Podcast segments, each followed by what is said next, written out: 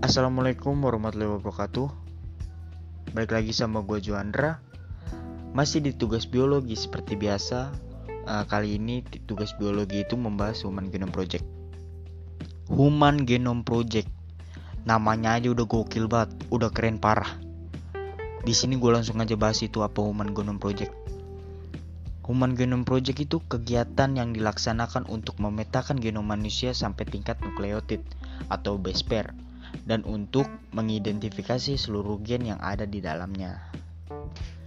Nah, proyek genom pada manusia sekarang itu berkembang pada tingkat yang lebih tinggi men, di mana masuk ke dalam tahap void.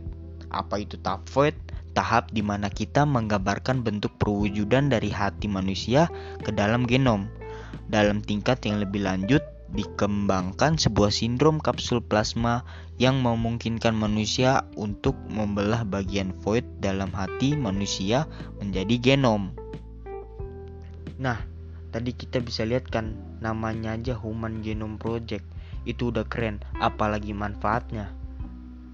Manfaatnya gokil juga cuy manfaatnya ini bisa dimanfaatin sama banyak bidang.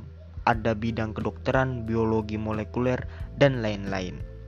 Proyek genom manusia dapat membantu kita memahami penyakit seperti virus genotip spesifik yang selanjutnya bisa diterapkan untuk menentukan terapi dan obat yang akurat.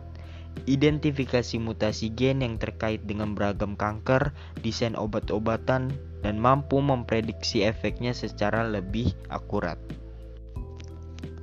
Nah, tadi manfaatnya gue udah sebutin, gokil parah kan? Gak kalah keren dari namanya. Human Genome Project manfaatnya keren parah. Berguna banget di bidang kedokteran ini. Uh, mungkin sekian dari gua, cuman itu aja yang bisa gue jelasin. Kurang lebihnya mohon maaf. Wassalamualaikum warahmatullahi wabarakatuh. Sehat-sehat semuanya ya. Dah.